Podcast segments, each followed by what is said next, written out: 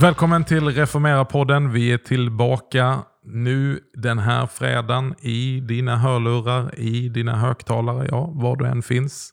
Jag heter Magnus Persson och jag sitter här med min gode vän och kollega Hans Weissbrott. Hej Hasse! Hallå Magnus! Går du under, under eh, beteckningen Hasse eller det är bara jag som säger det? Alltså, jag har mitt förnamn, det finns i många olika varianter. Det finns i, i, i alla möjliga. Ja, absolut. Det, det, vilken som går lika bra för mig faktiskt. Magnus, Mange. Den senaste jag har hört nu på kansliet är Mangi. det lät lite mer så här, ja, jag har manga-serie eller het, finns det någonting Ja, som heter. Mangi, jag tänkte så här, det låter ju som en tant. Det, när mina föräldrar hade, skulle ha, jag är ju barn nummer två, Ja. och det namn de hade tänkt ut för mig var Susanne. Du ser. Och sen så, så när det kom en, en kille till då så är det en besvikelse. Ja, ja, det får bli Hans då. Jag var helt säker på att vårt första barn skulle vara en kille. Inga andra värderingar där. Jag var bara helt säker på det. Det var ju en dotter, Ja, just älskade. Johanna. När det var dags för nummer två, väldigt tätt efteråt, då var jag ännu säkrare på. Och vi hade liksom, eh, bara för att visa, visa hur oandlig man kan vara i sin andlighet, att jag hade ju eh, upplevt att det här var en Samuel. Ja, Att Hannas bön då liksom, och så, du ska ge honom namnet Samuel. Så att vi var helt inställda på, och, och vi hade blockerat oss så mycket. Så att när hon väl föddes, som också var en tjej, vår älskade Caroline, så hette hon ju Samuel. ja det är underbart. En lång tid Ja, innan hon fick namnet Caroline. Ja, Ja, det är en passus. Väldigt fint. Ja, Magnus. Eh, vad har du med dig? Vad har du varit med om senaste tiden? Något du har så aktuellt? Ja, men det här har varit en intensiv och väldigt speciell vecka. Hela det här året så har jag arbetat med vårt projekt om att lyfta samverkan eh, mellan EFS och Svenska kyrkan. Och ett projekt som, som är ganska stort. Och, och, och Första delen av det har ju lanserats den här veckan. Ja, Med ett magasin som har kommit ut som bilaga i kyrkans tidning och, och, och på andra sätt har uppmärksammats. Så det är vi väldigt glada för. väldigt. Ja, det, jag- alltså, första gången jag hörde dig berätta om det här, det tyckte jag var suveränt. Alltså. Ja, det är ett spännande projekt Ja, som verkligen, verkligen. har med, med, med kyrkans mångfald och eh, jag tror också som, som kan möta eh, många av kyrkans behov idag. Ja, och liksom att ni har nått ut så brett tycker jag är väldigt läckert också. Ja, nej, men det, det är kul. Det, det, är verkligen, det har varit ett hårt jobb men ett mycket stimulerande arbete. Ja. Så att, eh, egentligen har vi inte gått i mål utan man skulle egentligen kunna säga att nu har vi, nu har vi verkligen sprungit över startlinjen. Precis, jag tänkte också det, att det, nu är det börjat. Liksom. Det är nu det börjar. Så eh, ja, nej, men det, det, det är väl signat. Men du, på tal om kyrka Hans, vi är ju mitt inne och talar om kyrkoåret. Och vi, förra programmet så, så, så hann vi så långt som till fastan. Ja, eller hur? Men efter fastan så kommer ju, vadå? Ja, sen kommer vi ju in i, i påsken. Precis. Kyrkans centrum, eller vad, vad ska vi kalla det? Jo, men det får vi väl ändå säga. Ja. Eh, Jesu Kristi försoningsdöd och uppståndelse, det, det är väl en väldigt stor del av, av vårt centrum. Ja. Och hela passionsveckan som där liksom Ja. en förtätad vecka. Man kan kalla den för den stora veckan, den stilla veckan, den heliga veckan. Mm. Kärt barn har många namn, men det, det är liksom laddat varje dag där från Ja. palmsöndagen och, och framåt. Och det är ju fascinerande Magnus att titta. Om man ser i evangelierna så ser man, jag tror hela Bibeln ber precis som Gud ville. Eh, och i evangelierna ser man hur den helige Ande leder evangelisterna att ge ett så stort utrymme till dessa sista dagar. Ja, det, är- det, det är otroligt. Alltså. Det, det är inte svårt att se vad är centrum i evangelisternas eh, berättelse om det här. ja, ja, Om vi då säger att Jesu aktiva tjänst var sådär tre år. typ. så är ju eh, evangelisterna, om vi generellt säger, så, så, så vilken evangelist vi än tittar i så mindre än hälften ungefär är ägnat åt allt övrigt. Ja, Och sen sista halvan av varje evangelium är kring den sista veckan. ja, men eller hur? Alltså verkligen. Och det, det, det är ju fascinerande att följa Jesu, i citationstecken, sista resa upp till Jerusalem. Jag menar, resan upp tar ju även den, bara den stort utrymme. För att inte tala sen om ännu större utrymme för just den här sista veckan. Då. Ja. Och det, det är ju väldigt, jag skulle vilja säga att den som inte har gjort det på djupet, jag, jag unnar verkligen alla att få uppleva att, att läva sig in i de här texterna, att stanna upp och från palmsöndagen och följa Jesus när han rensar templet och när han blir smord med nardusbalsam av, Ja. av Maria. Och, eh, förnekelsen och förrådandets dag med, med, med Judas och, och sen den, den måltidens instiftande. Och, om man orkar hålla ut i, i bönenatt under den kampens natt, mörkrets natt. Eh, för att sen då under fredagen, de olika timmarna fram till korset, på korset, efter korset, gravläggningen. Och sen den helt stilla och tumma lördagen. Mm. Och att inte ta ut uppståndelsen i förtid, Nej. utan att leva sig igenom detta drama. Verkligen, verkligen. Och det, det, vi pratade ju förra gången Magnus om det här med, med hur, hur det är en stor rikedom att fortfarande adventstiden och jultiden, vi har så stor kontaktyta med det svenska folket. Men, men lika stor kontaktyta som vi har där, lika mycket är det ett bönämne. Att hela påsktiden ska bli någonting som om igen får tala till svenska folket. Just det. Eh, och därför så ehm, tänker jag att eh, både för kyrkfolkets skull, de som brukar gå i kyrkan, men även för alla de som, som är ovana vid kyrkan, att, att verkligen satsa vid påsk. Markera, precis enligt det du säger, att försöka leva sig in i, i, i hela stilla veckan och, och inte minst det sista dygnet, eller dygnen ska vi säga, fredag till söndagen. På olika sätt. Verkligen satsa där. Det tror jag är en, en väldigt, väldigt bra prioritering. Mm. Nej, men verkligen. Och, och det, det ligger ju själva sakens natur att detta är ju kärnan, det är ju kyrkans sanna skatt. Eh, är ju evangeliet om Guds nåd och Guds härlighet som Martin Luther. Alltså det är ju försoningens verklighet. Ja, Sen vad många glömmer det är att man tänker att det är påsk innan påsk. Men påsktiden kommer ju faktiskt med start på påskdagen. Ja. Och sen har du en, en, en, vad är det nu, är det sex veckor eller är det sju veckor? Ja, det är ju, det är ju alltså 50 dagar, Ja. pentekoste till Precis. pingsten. Men om jag får bara koppla till påsken igen här. Eh, allt det här du målar upp, liksom, hur man lever sig in i det. Jag eh, var ju stipendiat i Jerusalem på Svenska Teologiska Institutet. Just det. Och eh, då hade vi en förnämlig föreläsare, en ortodox judisk rabbin. Eh, och han kom fram till mig en dag och bjöd hem mig att fira just Pesach, seder, tillsammans med dem. Och, och de tror tyvärr inte på Jesus som Messias. Det får vi be att de, de, eh, att de får upp ögonen för det. Men, men det är fascinerande att vara med. Jag var med då. Det var cirka tre, fyra familjer tillsammans som firade då. Eh, och med fokus då på uttåget ur Egypten. Och det var ju så enormt levande, deras firande. Hela kvällen och en stor del av natten. Ehm, och ehm, ja, men de gjorde en sån här sak, till exempel att, att, att den som hade, jag kommer inte ihåg sked eller gaffel, men den som hade skeden fick vara Mose och Aron. Som kom till folket och sa att man har fått uppenbarelse från Gud. Och den som hade gaffeln fick vara folket som hade svårt att tro detta. och sen slängde de skeden och gaffeln runt omkring sig så man fick testa flera olika synglar. Typiskt judiskt. Ja, Men på många olika sätt leder de oss in i det. Och det här finns ju det här judiska eh, talesättet. Va? Att den här natten, påsknatten, då ska det vara som att du själv den natten drar ut ur Egypten. precis. Och det tänker jag är en, en bra koppling för oss kristna med tanke på just Jesus sista vecka och hans eh, då försoningsdöd på korset, fredagen. Alla de faserna där från, från ja, torsdagen, fredagen och sen till uppståndelse söndagen. Att det ska vara som att vi själva är där. Ja, verkligen. Och vi talade ju om fastan förra gången och, och, och i koppling till påsken då så hörde jag eh, eh, talas om ett samtal eh, där någon då, ja men fastan alltså. Eh, jag bestämmer att jag ska fasta och liksom verkligen kämpa och, och allt det gör det är att jag bara misslyckas och brister och, och, och, och får reda på hur dålig jag är. Och då säger den här mycket erfarna och gode och varme kyrkoherden och så, nej, det är sant.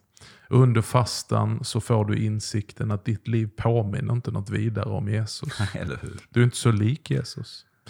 Men å andra sidan så påminner ju ditt liv under fastan när du har misslyckats och fallit och brustit i dina löften. Det påminner ju om en människa som behöver Jesus. Ja. Och då är du ju verkligen förberedd att ta emot påskens gåva. Ja. Det är så vi kommer och står vid korset och vid den, uppstånde, uppstående sen på söndagen. Inte som människor som påminner om Jesus, utan snarare med människor med ett liv som påminner om en sådan som behöver Jesus. Ja. Det är för sådana människor Jesus kommer.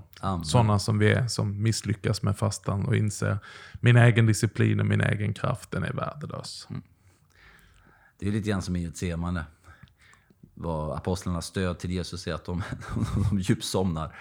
Det är bara han som är, kan, kan stå där och falla på knä och falla på marken som han gör och svettas blod när han ska dricka in hela mänsklighetens synd i sin kropp. Ja. Ja, det finns mycket att fördjupa sig i. Sen kommer pingsten. Ja. Ehm, nej, men pingsten, det är ju naturligtvis även det eh, extremt viktigt för Kristi kyrka. Eh, Apostlagärningarna 2, det är ju inte den första pingsten, utan eh, Apostlagärningarna 2, då har de firat pingst i mer än tusen år. Och de har ju haft ett fokus, det finns många olika saker, men ett fokus de har haft är ju just det här lagens givande. Eh, ute i öknen, Sina i berg. Och så den här profetian i Jeremia 31, att lagen ska skrivas i deras kere på hebreiska, deras innersta. Eh, och exakt på den dagen så, så kommer den helige, den helige ande har ju varit med sedan innan skapelsen. Det är ju en person i den treenige guden. Så att, så att helige ande har varit med och det märker vi gång på gång i gamla testamentet. Men nu kommer den helige ande i ljuset av Jesu försoningsdöd och uppståndelse. Eh, Med, med en enorm våg för Kristi kyrka. Så det är klart att det, det är verkligen någonting att understryka med många, många streck. Och det är läckert tycker jag, Magnus, hur, hur den helige ande gör just detta med sån extrem timing Att det sker just på Shavuot alltså på hebreiska, just på veckohögtiden, just på pingsthögtiden, just då, exakt samtidigt på året som när elden kommer över Sina i berg, så kommer elden över varenda lärjunge. Just det, anden utgjuts och ingjuts Ja, i dessa lärjungars hjärtan. Och det får ju, gör ju hela skillnaden. Ja. Där börjar ju då den andra rörelsen. Några söndagar senare, här i Sverige kallar vi det för trefaldighetssöndag. Och nu kommer den långa, vad kallar vi för gröna perioden. precis. Eh, trefaldighetstiden. Eh, som inte har samma intensiva följd av de stora högtiderna. Eh, det finns högtider då också, men jag tycker om vad anglikanerna kallar trefaldighetstiden. De kallar det för ordinary time. Underbart. Och, och för mig så talar det eh, rätt så mycket eftersom trefaldighetstiden är ju sådär lika lång som den här intensiva tiden från advent till pingst. Och där vi får möta det här att det kristna livet är ibland väldigt ordinary. Ja, Och, och att det Gud gör, eh, det övernaturliga, det gör han ofta mitt i det naturliga. Mitt i sega tisdagar och Ja. halvsläpiga torsdagar. Att få vandra med Jesus i ordinary time. Och det är ju vad mycket trefaldigheten fokuserar. Som vi var inne på förra gången, att det inte bara vad Kristus har gjort för oss och gett till oss. Det är ju naturligtvis centrum. Men nu handlar det också om andens utgjutande, vad Kristus gör i oss och efterföljelsen. Eh, vår efterföljelse av Kristus och hur Kristus verkar genom oss. ja. Väl uttryckt.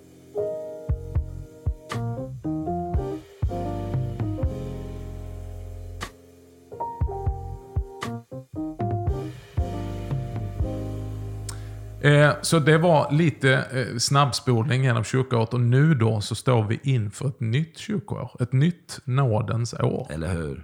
Och eh, det är alltid speciellt att, att göra det här skiftet och gå in första söndagen i advent. Vi kallar ju inte det första advent och andra advent och tredje advent. Det finns bara ett advent. Men det finns fyra söndagar i advent. Precis. Och vi tänkte stanna upp lite grann och göra det lite till ett återkommande segment här i podden där vi liksom tittar lite på texterna. Första söndagen i advent, Hans. Med eh, temat ett nådens år. Ja. Först det här uttrycket nådens år tycker jag är läckert. Det är, det är ju hämtat från Jesaja 61, vers 2. Eh, på hebreiska står det där Shana Ratson. Och eh, det kan man översätta ett nådens år. Man kan också översätta ett år av Herrens favör. Och Herrens favör det är ju som bekant av nåd. Eh, och sen älskar jag ju första adventstemat. Eh, det här med... Eh, Matteus 21 som, som ju är evangelietext då, alla årgångar. Eh, som just eh, talar om Jesu intåg i Jerusalem. Eh, som har förberetts, hans sista monumentala resa på väg upp till Jerusalem som evangelisten har skrivit mycket om. Eh, Johannes plockar upp det dramatiska helandet. Eh, helandet jag ska säga att han, han uppväcker Lazarus som var död i fyra dygn. Eh, och kallar ut honom, vilket ökar den messianska pulsen i Jerusalem till någon total maxnivå. Och sen då, någon några veckor senare, kommer Jesus tillbaka och sätter sig, som det verkar, kvällen innan och äter tillsammans med Lazarus. Precis kanske då när sabbaten har gått ut. Eh, människor kan om igen röra på sig. Fortfarande idag så är det den festligaste kvällen i, i, i Israel. Fullt med folk överallt lördag kväll. Och om det nu råkar vara lördag kväll, då, vilket jag kan tycka att det kanske indikerar, så dras människor då upp till Betania, den här lilla byn som ligger bara på andra sidan Olivbergets krön. De, de, de är där för att få se han som har varit död i fyra dygn, uppväckt tillbaka igen. Lazarus namn det betyder på hebreiska Gud hjälper. Och han sitter tillsammans med Jesus. Eh, och så tidigt på morgonen därefter så stiger Jesus upp. Under hela sitt liv har han aldrig egentligen tillåtit folket offentligt att proklamera och hylla honom och tillbe honom som den Messias han är. Han har varit tvungen att hålla igen på det för att det, är så sprängladdat hela den titeln i den miljön han är, den romerska miljön med alla förväntningar hit och dit. Eh, det har inte varit Guds tid heller för det. Och, och nu när han stiger upp tidigt, och Johannes verkar ju indikera att det här är den tionde Nisan. Andra Mosebok 12, den dagen då husfäderna valde ut sitt påskalamm. Den dagen visar Fadern i himlen vem som är hans lamm, som tar bort världens synd. Och är det inte läckert det här Magnus, när han rider över Olivbergets krön och för första gången tillåter människor att hylla och tillbe honom kollektivt som den Messias han är. Hosianna, Davids son, välsignad är han som kommer i Herrens namn. Hosianna i höjden.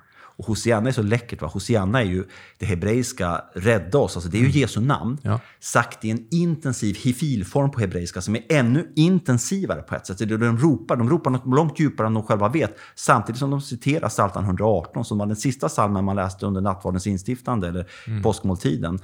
Eh, och det är att de ropar, eller skulle läsa ska jag säga, för det ligger ju framåt i tiden då. De ropar alltså till Jesus, rädda oss. Ja, och, så, och så, samtidigt så är det som ett välkommen. Nu kommer han. Ja, Som de, ja, det kan man ju liksom resonera om. Vet de egentligen vad de säger? Det är liksom någon form av profetisk hälsning verkligen. i, i sången. Va? Ja. Eh, eh, eh, och jag tänker på det ofta liksom i Sanctus i nattvardsfirandet när vi, när vi just upprepar de här orden. Va? Ja. Eh, Efter helig, helig, helig och sen Hosianna, välsignad är han som kommer i Herrens namn, Hosianna i höjden. Och jag, jag tänker liksom, precis som han då kommer, nu kommer han, nu är han här. Med sin kropp och med sitt blod. Han är närvarande här i vår nattvard. Han kommer till oss nu. Suverän koppling. Ehm, ja, men det har vi första söndagen. En sak till bara, jag kan inte låta bli. Men Nej, men- Jag skulle prata om det här länge helst, men en sak det här. Att vad är det som händer? Du, du, jag tror du har helt rätt där. Att I olika hög grad är folk medvetna om vad de, de säger och vad, vad som händer. Men det är ju som ett himmelsfönster öppnar sig. Ja. Och vad gör de då, Magnus? Jo, de tar av sig sina mantlar. Typ det finaste, dyrbaraste man hade, det som mest kanske symboliserar jag, mig, mitt. Och lägger det under en åsnas hovar framför Jesus. Ja. Det kan bara ske när, när, när, himlens fönster öppnas. Mm. Att man lägger sig själv, så att säga, under Messias. Mm. Ja, det, det, det, det är starkt.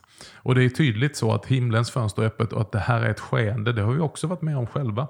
När man märker, här är ett skeende. Gud är oss nära. Vi vet inte riktigt vad som händer. Vi kan bara förnimma att Gud är och färde. Och, och, och, och en sak jag tänkte säga där, innan vi går vidare till nästa söndag också, som jag kom på innan Magnus.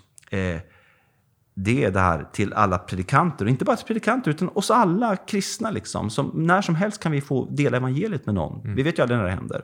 Jag är Sveriges förmodligen nu levande sämsta evangelist. Extremt eh, ofrimodig i mig själv om inte Gud kommer och knuffar. Men, men ibland gör han ju det då. Eh, jag tänker det här att eh, vilken skatt vi har, Magnus, i, i bibeltexterna. Alltså vilken kraft det finns i att för församlingen eller för någon människa du möter som inte vet något om, om, om kristen tro, måla evangeliet. Alltså måla den här texten för församlingen. Ta med församlingen till Olivberget. Eh, ofta tänker vi så ofta på att vi ska komma fram med 15 klyftiga poänger. Och det är säkert jättebra. Men många gånger har vi glömt bort, tycker jag, kraften i att måla upp den bibeltext i skeende som är för handen. Just det. Att låta texten tala. Ja, För risken är att vi ibland med våra clever eh, funderingar skymmer texten. Precis, va? Och, och, och att vi inte har tilltro till... Vi tänker någonstans, ja men folk kan det här. Det här har de ju haft sen söndagsskolan. Och många jag ser framför mig i församlingen, de har varit här i 25 år. De vet det här. Nej, men de har kanske inte varit med uppe på Olivberget, verkligen tagit in vad är det som händer. Nej, det, det, det, det, det är starkt. Jag tänker också på en av de andra texterna, de andra årgångarna från Lukas evangeliet. När Jesus kommer för första gången och tar till orda i sin hemmasynagoga. Ja, visst. Och han läser från profeten Jesaja. Ja, Och så står det att de rullar ihop bokrullen. ja, Och så säger han nu. ja. Nu händer detta här och nu. Framför era ögon som texten talar om. Wow. Och det är en sån bra, jag tänker att de, de eh, första advent när jag har predikat om just den årgångens texter, som inte är nu den här årgången då, så är det precis som att ja, men det här är en bra ingång i kyrkoåret. Nu händer det. Ja. Nu kommer han. Yes. Nu kommer han ridande på en åsna. Nu kommer han in i, vår, i vårt kapell, i vår katedral. Nu är han här. Nu blir denna texten levande och uppfylld mitt framför våra ögon. Ja, det är Amen. starkt. Det, det, är starkt. det är ett läckert perspektiv. du, vi går till andra söndagen i advent. Guds rike är nära. Vad säger du Magnus? Ifrån Matteus 13. Nej, men jag tänker att det hör också till till de här introduktionstexterna in i kyrkoåret. Det är, ju, det är precis det som händer. Nu kommer Guds rike. Ja, Nu är Guds rike här, mitt ibland oss. Vi kan inte säga det, vi kan inte säga att det är där eller det är där borta, utan det är här. Mitt ibland oss. Här för Kristus in eh, Guds rike. Och i den här texten, det här året ifrån Matteus 13, så, så igen, vi var inne på det när vi talade om Jesu födelse, att det sker på riktigt, men samtidigt mitt i det fördolda. ja. Och så talar evangelisten Matteus och så säger han att himmelriket är som ett senapskorn. ja. Himmelriket, det är alltså liknat här vid det minsta av alla frön. Men när det blir planterat och växer upp så blir det större än alla andra örtträd. ja. vilken växtkraft. Ja, och, och vi, så där, där, där, där tänker jag att där ska vi inte förringa det lilla. Va? Utan vi vill ju gärna att Guds rike ska komma med pompa och ståt. Bra poäng, bra poäng. Och att det ska komma stort och väl, väldigt. Va? Big is beautiful och så vidare. Eh, eh, men att det kommer... Den andra liknelsen han använder det att himmelriket är som en surdeg som en kvinna arbetar in i degen tills allt har blivit syrat. Alltså det sakta men säkert genomsyrar allt. Och så är det också med Guds rike i våra liv. va? Att ibland kan man tänka att ja, det var inte mycket som hände. Nej, men låt det fortsätta. Ja, Låt det fortsätta, låt fröet gå in. Eh, eh, ordet, alltså säden, planteras i ditt hjärta. Fortsätt att vattna. Paulus säger, jag planterade. Apollos vattnade, men det är Gud som ger växten. ja. Att det här ordet är levande och verksamt som liksom på något sätt usher in the kingdom of God. ja Eh, verkligen. Det låter starkare på engelska. ja, men det var Nej, men det är en bärare och liksom för in Guds rike. Och helt plötsligt så märker jag allt i mitt liv är, om inte förvandlat, så genomsyrat och präglat av detta Guds riket som kommer. Nu är Guds rike här. Nu är Guds rike nära. Men alltså precis, något händer. Jag, Ja. jag, tänk, jag tänker på... ehm, jag eh, eh, berättade ju innan där om, om hur jag förra veckan hur jag var hos min mamma nu. Eh, som som eh, är nära döden då, men har Jesus. Och hur jag fick läsa uppenbarelsebokstexter. Och där ligger mamma och hon är helt med. Men hon är svag. Hon kan bara prata enstaka ord. Eh, för hon orkar inte mer. Och, och då får jag liksom komma nära och lyssna vid hennes mun. Men då hör jag precis vad hon säger. Ehm, och så börjar man läsa Guds ord. Man läser om Jesus, man läser om himlen, man läser om hoppet. Vad man än läser i Guds ord. Och det är någonting där som landar. Och det är Guds rike. Det är som att himlen landar på jorden. Ja. Det, det, är, det är mäktigt. Vi kommer till tredje söndagen i advent. Bana väg för Herren. En av mina favoritsöndagar. Nämen. I advent. I advent. Ja, ja. Ja, man ska inte säga så. För så fort jag säger det så kommer jag på annat som är fantastiskt. Men, men, Jo, men, men det det, finns någonting Ja, av det här som jag visst. förknippar med min egen kallelse Ja. också. Att vara en vägröjare. Mm. Säg inte mer. Det vill jag höra mer om. Eh, nej, men jag tänkte bolla över till dig. Vad har du att säga om, om, om Johannes text, den här Johannes döparen? Nej, men Johannes döparen är en sån fascinerande person. Ehm, Just det här att han då vandrar omkring i Jordandalen, jordens lägsta punkt. Och eh, sen det här då hur eh, eh, man kan se liksom att det finns... Eh, hur mycket han har haft kontakt med den här lilla gruppen essenerna eller inte, det, det är ju omdiskuterat. Men det finns ändå tydliga tematiska kopplingar eh, med det här att essenerna var ju en grupp som vi lär oss mer och mer om, som, som levde lite här och där och som i Qumran till exempel lite drog sig undan. Mm, lite lite the, the radical group. Men verkligen så. va? Med stark tro på Messias ankomst, stark tro på att de själva var ljusets barn och de flesta andra var mörkrets barn. Eh, och eh, stark fokus på något sätt på helighet och eh, ja, att, att ta synden på allvar. Ja, och, avskildhet och... Precis va. Och, och eh, Johannes döparen verkar ju precis nära Qumran. Eh, vilket inte minst har fått många forskare att fundera på om det inte kunde ha funnits kopplingar någonstans. Men det som är så eh, underbart då med det som den helige Ande gör med Johannes döparen. Eh, det är ju då att han, eh, det är på något sätt som Gud säger åt honom. Eh, ta nu all den här heligheten, eh, radikaliteten, åtminstone den sunda delen av den. Ta den här starka förväntan på Messias ankomst, eh, allvaret och nåden med stort N. Och så bara vräk ut det till folket. Det var ju precis motsatsen mot vad de gjorde i Qumran. Där stängde de in allt för sig själva. De måste ha blivit chockade när de får höra om hur Johannes döparen vräker ut. Då. Och det är så läckert, du vet, innan Facebook och Instagram och allt det här så eh, står det ju om hur eh, folk drar dit från nord, syd, öst och väst för att eh, få del av det han talar om. Och allt är ju ljuset av den kommande Messias.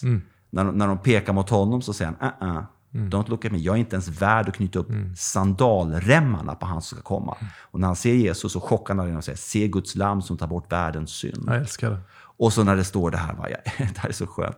Eh, eh, vilka är det som kommer dit? Jo, det står även tullindrivare kommer dit. Även soldater kommer dit. Eh, alltså folk som ingen ville ta i ens med tång. Alla får ta del av omvändelsedopet i ljuset av den kommande försonande Messias som skulle komma. Det är läckert. Ja, men jag, tror det, jag tycker det är så hoppingivande också. Precis de texterna. Hela Judén for ut i öknen. Ja, och. Jesus tar ju upp det. Vad gick ni ut i öknen för att säga? Ja, Alltså det var inte så att det var någon cirkus som tog plats där, ett stort band eller liksom värsta festivalen. Utan det var ju bara en Helen Brimstone preacher. ja, Men för oss som är predikanter så är det ju någon form av liksom tröst och hopp och inspiration att säga att detta är vad ordets förkunnelse kan göra. ja, Att det drar massorna. Ja. Det fanns inga andra effekter. Eh, utan, utan det var ju det här ordet då, i, i modern tid, man skulle kunna tala om Charles Spurgeon, eh, den engelska baptistpastorn som hade Europas första, första vet jag inte om vi ska kalla det, men i modern tid megakyrka i London. ja, Han hade ju ingen musik vet du. Han hade ju ingenting, utan han, han packade ju ut huset med 5-6 tusen besökare som bara kom för att höra honom att utlägga Guds ord. ja, Och då sa de så här, men varför, varför kan du inte göra det liksom lite trevligt med lite musik och så vidare? Och nu säger inte jag att jag håller med om det, men han säger någonting väldigt bra. Han sa så här, if it takes a circus to get people to church, it takes a circus to keep them in church. ja. Han hade en sån tro på ordets kraft och, på, och, och möjlighet att både dra folk och påverka folk och omvända folk. Eh, och det tänker jag att det, Det är så vi banar väg för Herren. Banar vägen in och, och sätta folk på spåret. Som är ett annat eh, eh, eh, modernt tv-program som just nu är på tvn.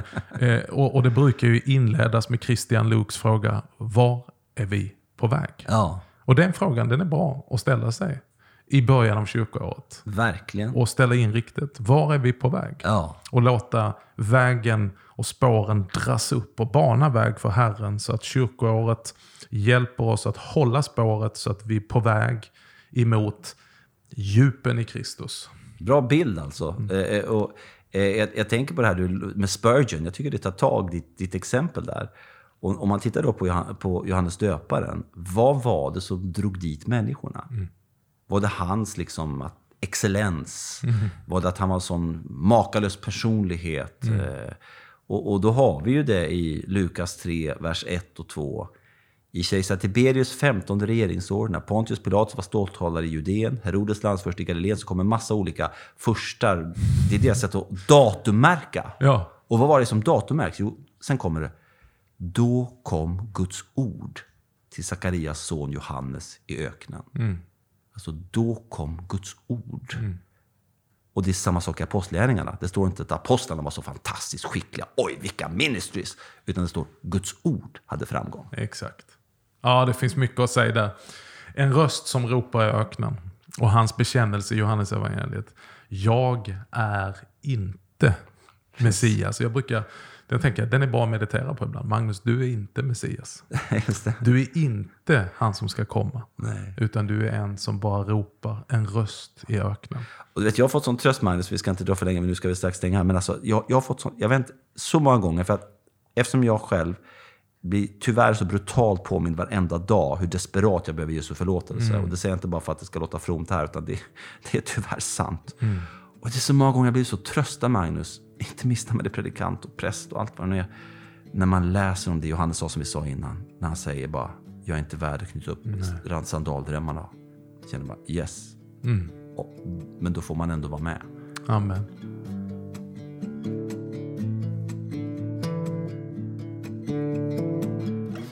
Vi är framme vid fjärde söndagen i advent. Och vi är framme vid Herrens moder, Maria.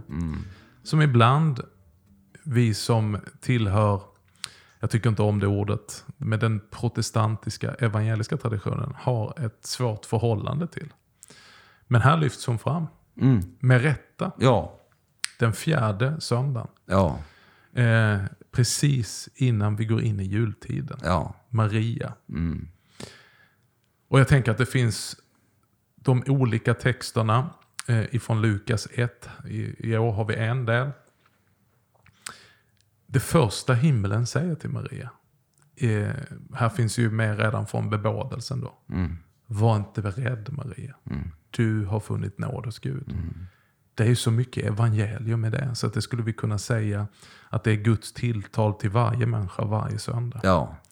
När vi kommer och vi kan förnimma, nu är Gud nära. Vad kommer att hända? Kommer jag förintas? Kommer han att slå ner mig död? Kommer han att se min synd? För det är det vi blir medvetna om. Somliga blir medvetna om det bara de går in i en kyrkolokal, en katedral eller i ett kapell. Eller, eh, man hör sångerna. Så direkt så tappar man blicken bort ifrån den det handlar om och så tänker man, är jag värdig detta? Eller hur? Kan jag komma inför Gud sådan som jag är? Ja, Och detta är evangeliets ord till dig. Var inte rädd. Du har funnit nåd hos Gud. nåd. Underbart. Och jag tänker nåd, som det heter på latin, tycker jag är så härligt. Gratia. Grazie. Alltså nåd, det är Guds gratis, det är det vi inte förtjänar. Ja. Eh, En sån här, tycker jag också, tydlig stilpoäng, det är ju när Maria kommer till Elisabet. Eh, och då Elisabet säger till Maria, som då bär på Jesus, men han är ännu inte född ens. Och hon, fylld av den helige Ande, som själv bär på Johannes döparen, hon säger, men varför händer detta mig? Att min Herres mor kommer till mig. Alltså hon kallar Jesus för Herren redan när han är Marias moderliv. Det är en av Nya Testamentets första tydligaste bekännelser med Jesus som Herre. Ja. Ja, det är så mäktigt alltså. Nej, det finns jättemycket att ösa ur det här som har stor relevans. Jag tänker på att om vi då ska, som du sa innan, läva oss in i texten. Här har vi den unga Maria. Hon har inte varit med någon man. Nej. Hon vet hur det här går till. Ja. Och hon hör nu detta helt otroliga. Ja. Att eh, du ska bli havande och föda en son. Mm. Jaha, men hur ska detta gå till? Ja, det är precis det hon säger. Hur Ja. ska detta Ja. ske? Och jag tänker hur många gånger, dels är det ju naturligtvis en djupt dogmatisk sanning om inkarnationens mirakel och den preexisterande Kristus som Visst, är visst. fullt ut Gud och fullt ut människa. Men om vi Absolut. bara tar ner det rakt ner på vardagsrumsgolvet. Mm. Hur många gånger sitter inte jag och säger, Herre, hur, hur ska det här ske? Ja. Jag hör vad du säger. Jag hör vad du lovar. Men jag har svårt för att tro det. Hur ska det ske? Ja. För jag tänker i det naturliga. Och då är svaret så underbart från ärkeängeln som säger Helig ande ska komma över dig, eller överskugga dig som Ja. någon översättning. Ja. Kommer att bara vila över dig och den högstes kraft ska vila över dig. Amen. Det är så det ska ske. Ja. Och Marias svar, inte för hon fattar mer av det svaret, Nej. utan det är ett svar i tro. Må det ske med din tjänarinna, så som du har sagt. Alltså hon säger egentligen med fler ord ett amen. Va? Ja. Och jag brukar ta upp just den texten att, att vi inte av slentrian säger amen, för amen är ju ett av de orden vi säger väldigt mycket i gudstjänsten. Det kan vi säga bara slentrian. Ja, Mm. amen, amen. Men amen betyder låt det bli så. Ja. Låt det ske så Ja. som du har sagt. När vi hör texterna, amen. När vi eh, avslutar bönerna, amen. Låt det ske så. Ja. Ske med mig så som du har sagt, Mm. så som du har lovat. Nej. Amen. Amen. Nej, men det, det här är väl, det här är väl eh, eh, kärnan av överlåtelse. Ja. Det hon säger. Och det vi får öva oss i, i våra liv. Mm. Hon hade inte ännu varit på den söndagsskolektionen där hon fick reda på att den helige ande kom till Josef och talade om för honom hur det var ställt. Så att han liksom fullt ut förstod vad det var och kunde gå med henne i det här. Eh, Det kom sen. Utan hon fick börja med att ta steg i tro. Och jag tycker det är så häftigt hur det är smockfyllt med evangelium redan i de här texterna. Att det här är inte bara några gulliga fairy tales. Utan jag tänker på ängelns hälsning till Josef. Du ska ge honom namnet Jesus. Varför det då? Jo, han fortsätter. För att han ska frälsa sitt folk från synd. Ja, precis. Där har du det redan. Liksom. Det är klart. Varför kommer Jesus? Ja. Jo, han kommer. Redan där så hör vi ett eko från den framtida påsken. Som ligger där 33 år senare. Visst. Det är färdigt redan från början. Ja. Han kommer inte bara som något gott exempel. Han kommer inte bara som en guru. Han kommer inte bara som en lärare. Han kommer inte bara för någon sorts moralisk upprustning. Utan han kommer för att befria oss från detta som är människans djupaste dilemma, värsta gissel. Den inneboende synden som bara drar oss neråt. Ja, ja, ja. Amen, amen, amen. Med allt detta så får vi väl säga glad advent.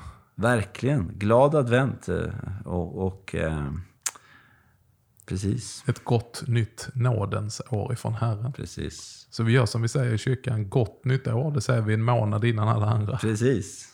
Det har varit fantastiskt Hans att få sitta här och Ja, vad ska vi kalla det? Jag vill egentligen inte säga det, men nörda ner sig i texterna. för att man bara märker hur texten öppnar sig och Ja. hur det finns så mycket goda tilltal i de här texterna. Det är det vi säger, vi, vi skulle sitta tio timmar du och jag. Men det är ju Guds ord som fascinerar. Ja.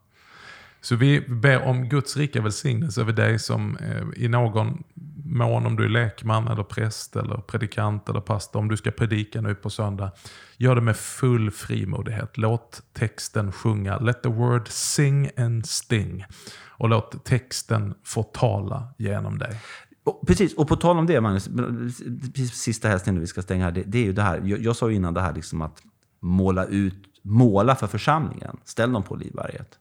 Eh, ett bra sätt att börja det är att du själv ställer dig på Olivberget. Så läs till exempel Matteus 21. Det finns ju alla fyra evangelierna, men läs Matteus 21. Ställ dig på Olivberget. Var där en stund. Ha inte så bråttom. Tänk inte att du kan det. Be den helige ande att göra ordet levande. Amen. Och ställ dig förberedd, för att nu går vi in i advent som betyder ankomst. Det är någon som är i ankommande. Ja. Och han kommer till sin kyrka igen och igen. Nu för ett nytt kyrkoår så kommer han ridande och han kommer rida igenom det här kyrkoåret och vara tillsammans med oss. Ja. Jesus Kristus, kungas kung, herras herre, Messias, den levande Gudens son. Och en bild man kanske kan få, det är på tal om det här, jag tror många känner igen sig med mig. Det här, att Hans, jag känner igen mig i det här, Magnus, jag känner mig i det ni pratar om och också det här liksom att ibland så har man inte läst texten och, som levande utan man bara passerar förbi den. Då vet du, det fanns ju en kyrkofader som hette Hieronymus. Han eh, befann sig ju nere stor del av sitt liv i grottan precis vid Jesu födelsegrotta. Där han gjorde en, en eh, makalös bibelöversättning. Du vet vad han hade där va? Nej, va? Jo, när han översatte Bibeln så hade han bredvid Bibeln en sten. Och varje gång han upplevde att nu håller jag på att översätta Bibeln, men nu håller jag själv på att bli likgiltig inför Guds ord. Nu på något sätt så nu, nu, nu, nu är det inte levande för mig längre. Nu, nu, nu står jag inte där på Livberget. Då tog han stenen och så bankade han den mot sitt hjärta. Och så bad han den helige Ande. Förlåt mig Herre, gör ordet levande för mig. Det kan vara en bild för oss. På tal om den, den tiden vi går in i. Han har ju skrivit en fantastisk text, en, en julnattstext om Jesusbarnet. Ja. Det, det rekommenderar jag att eh, den finns i Bo Gerts eh, devotional bok, vad heter det, andaktsbok eh, genom hela kyrkoåret. Ja, det finns mycket. Vi, vi, vi, vi är bra på att börja, vi är aldrig bra på att sluta. Men vi säger igen då, glad advent Ja, från Weissbrott och Persson. Och på återhörande, tack för att du varit med oss idag. Hoppas det här blir till hjälp, även om det blir lite längre än vanligt. Men vi har haft en härlig stund och jag hoppas du har haft en härlig stund tillsammans med oss. Så från Weissbrott och Persson, glad advent och vi hörs nästa fredag.